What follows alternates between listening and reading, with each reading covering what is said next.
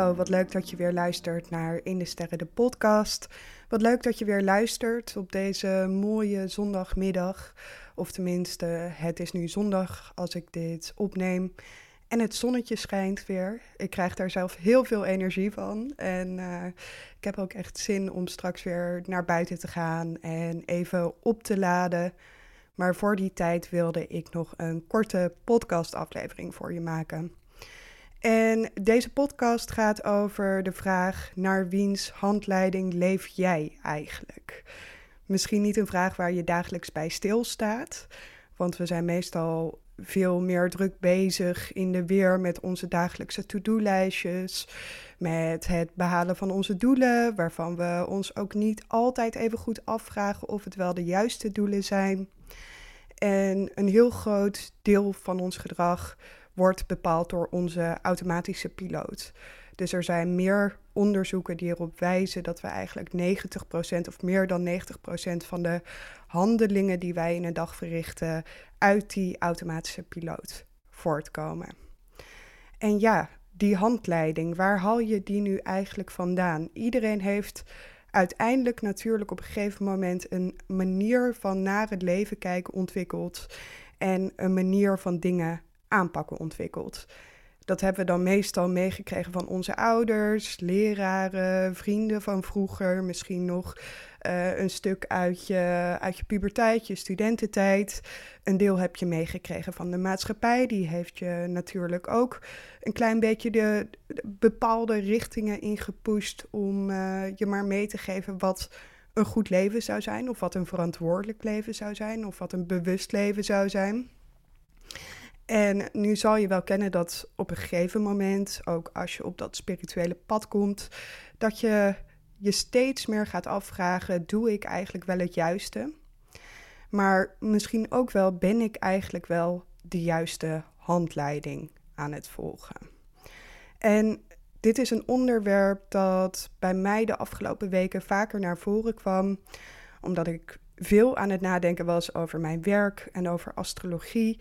En ik merk de laatste tijd dat ik wat minder in de astrologische analyses en de persoonlijkheidsanalyses zit dan gebruikelijk in mijn readings en mijn sessies. En dat ik veel meer gericht ben op de praktijk. Dus jaren geleden begon ik met die astrologische readings en vond ik het analytische stuk heel leuk vinden we over het algemeen heel leuk als we in de spirituele en de zelfhulpwereld rondlopen. Heel veel lezen over wat je hebt meegemaakt. Alles proberen te begrijpen, ook vanuit een rationeel perspectief het liefst. En zoveel mogelijk ideeën en theorieën en benaderingswijzen opzuigen. Nou, dat kan ook heel interessant zijn, maar eigenlijk heb je er natuurlijk niet zo heel veel aan als je het niet gaat vertalen naar je gedrag in de praktijk.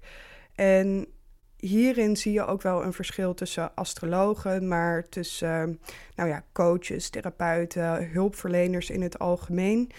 Je zal merken dat als je meerdere astrologen hebt bezocht, dat de een je misschien ontzettend inspireert, maar de volgende dag ben je de sessie alweer vergeten, als je eerlijk moet zijn. Uh, en dat de ander de dingen zegt die voor jou ook echt een verandering teweeg gaan brengen. En dat zijn ook wel eens de dingen die je niet altijd even graag wil horen. En uitspraken die misschien samen kunnen hangen met: Volgens mij begrijp jij een groot deel van jezelf heel goed. Ga je nu extra op zoek naar bevestiging van buitenaf? Want dat doen natuurlijk sommige mensen als ze naar astrologen, readers, mediums, uh, tarotlezers gaan. Maar is het tijd om het te gaan leven? En dus je eigen handleiding te gaan herschrijven. Want alleen door het herschrijven van die handleiding gaat er daadwerkelijk een verandering komen. Dus ik gebruik astrologie ook heel sterk als een tool om uiteindelijk de juiste methode en de juiste strategieën te vinden en te ontwikkelen om te komen waar je wil zijn. Dus in een reading kan ik ook heel goed zien hoe jouw energie werkt. Of jij iemand bent die uh, houdt van een langzame, geleidelijke verandering. Of jij meer werkt in energiespeurten, dat is een voorbeeld. Of jij meer in jezelf gekeerd bent en die dialogen met jezelf heel veel opleveren. Of het uh, doorvoelen van je gevoel je heel veel gaat brengen. Of dat jij heel erg houdt van een stok achter de deur of een prikkel van buiten. Of misschien hou je er niet eens per se van, maar moet je er wel achter komen dat dat voor je werkt. Dus die astrologie en haar analyse zijn allemaal heel leuk, heel interessant, heel spannend. Ik ben daar in eerste instantie ook verliefd op geworden. En astrologie heeft me in eerste instantie heel erg geholpen, uh, geholpen met het ontwikkelen van meer zelfvertrouwen en meer eigenwaarde.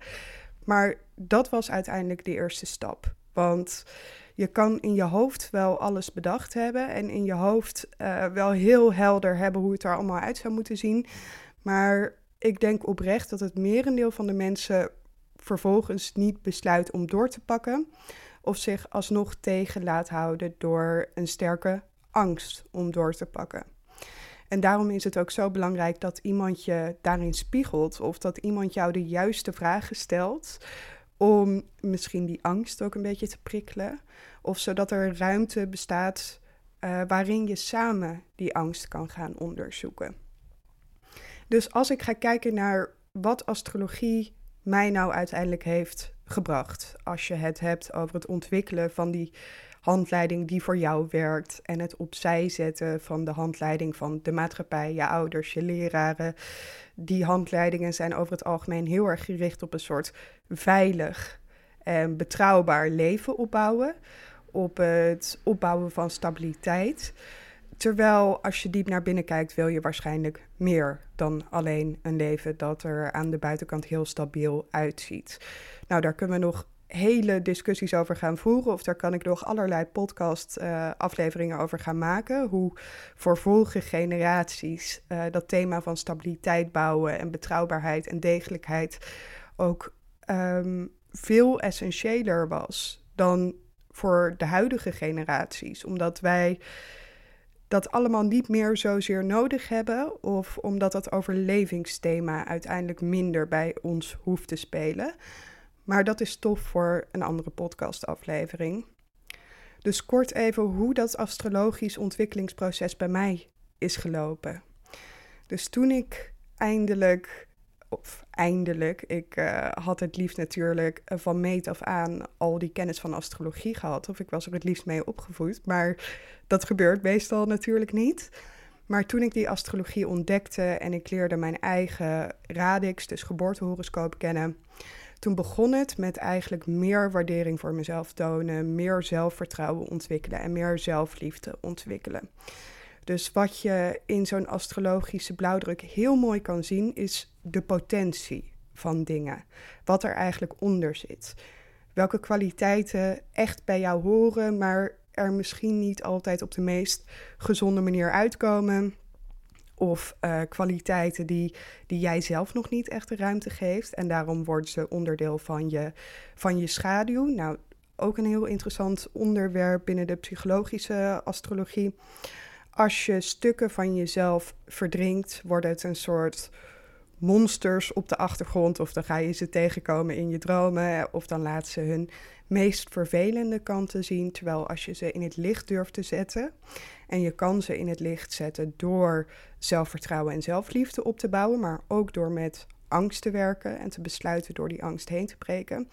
Dan ga je zien dat het in werkelijkheid ging over een prachtige kwaliteit of over een potentie die je verder mag gaan ontwikkelen. Voor mij is de basis van het hele spirituele proces begint echt bij het ontwikkelen van zelfvertrouwen, eigenwaarde, zelfliefde. Want als je dat nog niet hebt, dan zie je ook nog niet zo scherp de reden waarom je nou een gelukkig en fantastisch leven voor jezelf zou gaan bouwen. Op het moment dat je jezelf dat eigenlijk nog niet echt gunt, of een deel van jezelf is dat dat uh, tegenspreekt of zegt, nou daar heb je geen recht op, dan wordt het ook heel lastig om daar actie op uh, te gaan ondernemen. En dan kan je te maken krijgen met uh, saboterende stemmetjes. Maar goed, voor mij begon het met mezelf gaan respecteren. Ook echt mijn lichaam gaan respecteren, mijn gedachten gaan respecteren, mijn emoties gaan respecteren. Ze de ruimte geven en mezelf eigenlijk steeds meer gaan zien als een vat vol potentie, mogelijkheden, kwaliteiten, kansen, zonder daarbij natuurlijk een of andere ego-tripper te worden, want dat is ook niet realistisch. Maar uh, dat was heel erg nodig bij mij, omdat ik daarvoor laag in mijn zelfvertrouwen zat. Vervolgens, als je meer eigenwaarde ontwikkelt, maar ook als je meer zelfinzicht ontwikkelt. Dus als je die potentie in jezelf ziet en je ziet opeens waar het te halen valt. Nou, bij mij zit een groot deel van mijn potentie bijvoorbeeld met het werken met mijn gevoel en anderen laten werken met hun gevoel. Dat is een heel groot thema in mijn eigen horoscoop. Um, en dat past heel goed bij het werk dat ik uiteindelijk ben gaan doen natuurlijk. Uh, bij mij ligt ook een hele grote sleutel bij het gebruiken van mijn creativiteit en dat laten zien aan anderen en daarbij iets onderscheidends doen of een ander geluid laten horen. En er zitten grote thema's uh, bij mij rond het ontwikkelen van een eigen visie op dingen. In plaats van altijd maar kennis blijven opzuigen als een soort spons. En van alles wel wat feitjes en wat trivia hebben. Maar uiteindelijk niet heel goed weten wat ik er zelf nou van vind. Nou, dat zijn een aantal voorbeelden van potentie die in mij zit, waarvan ik weet als ik me daarop stort, als ik ermee aan de slag ga, dan komen daar hele mooie dingen uit voort en dan ga ik daar heel veel plezier en profijt van hebben in mijn leven. en door dat te weten kan je dus weer helderheid gaan creëren rond je doelen en rond wat je wil bereiken, wat jouw vervulling geeft. Dit zijn alle drie dingen die wel eens lastig zijn geweest. Dus omdat ik vroeger wel vaker te horen heb gekregen dat ik beter geen mening kan hebben, kan ik natuurlijk geïnternaliseerd hebben dat het ook uh, heel verstandig is om geen mening te hebben. Maar door die angst heeft de potentie van die mogelijkheid zich dus ook nog niet kunnen ontvouwen. En door astrologie ben ik me gaan realiseren dat hoe meer ik kan werken met die angst, uh, in eerste instantie. Dat doe je eerst. En hoe meer er ruimte ontstaat om wel aan de slag te gaan met het ontwikkelen van die visie, hoe meer geluk en voldoening mij dat schenkt in mezelf, maar ook hoe meer succes dat me brengt in mijn bedrijf, in mijn relaties, in mijn vriendschappen. Dus als je jezelf opnieuw leert kennen, dan ga je ook je doelen weer opnieuw formuleren. En als je het hebt over het uitdragen van die visie. Nou ja, ik had bijvoorbeeld enorme spreekangst. En ik ben best wel een lange periode van mijn leven best wel verlegen geweest. En dus zoiets als veel mensen bereiken of public speaking of van mezelf laten horen of lesgeven, dat stond nooit hoog op mijn prioriteitenlijstje, omdat er nog een angst op zat. Uiteindelijk ben ik dus die doelen gaan herevalueren, ben ik gaan experimenteren met deze potentie in mezelf, die ik in eerste instantie nog niet goed kende of die ik nog in mijn schaduw drukte. En ben ik dus tot nieuwe doelen gekomen.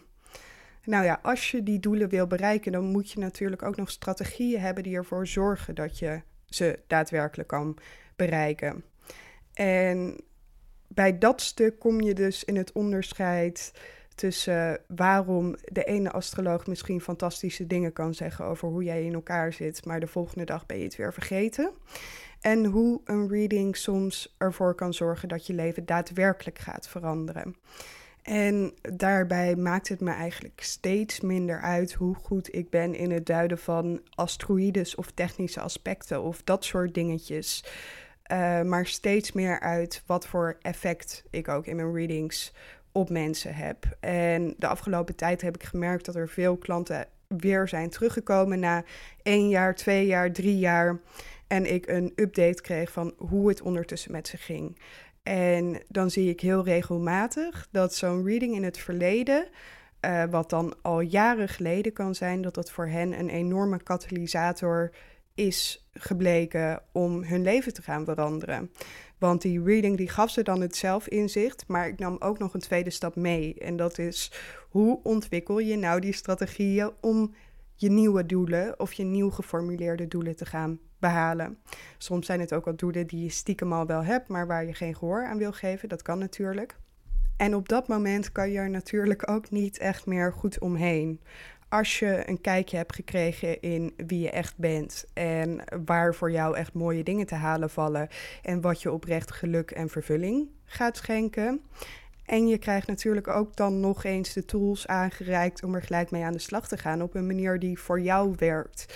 Waarbij je ook dus al die boeken die je nog had liggen over doelen behalen en gedragsverandering en zo terzijde kan schuiven.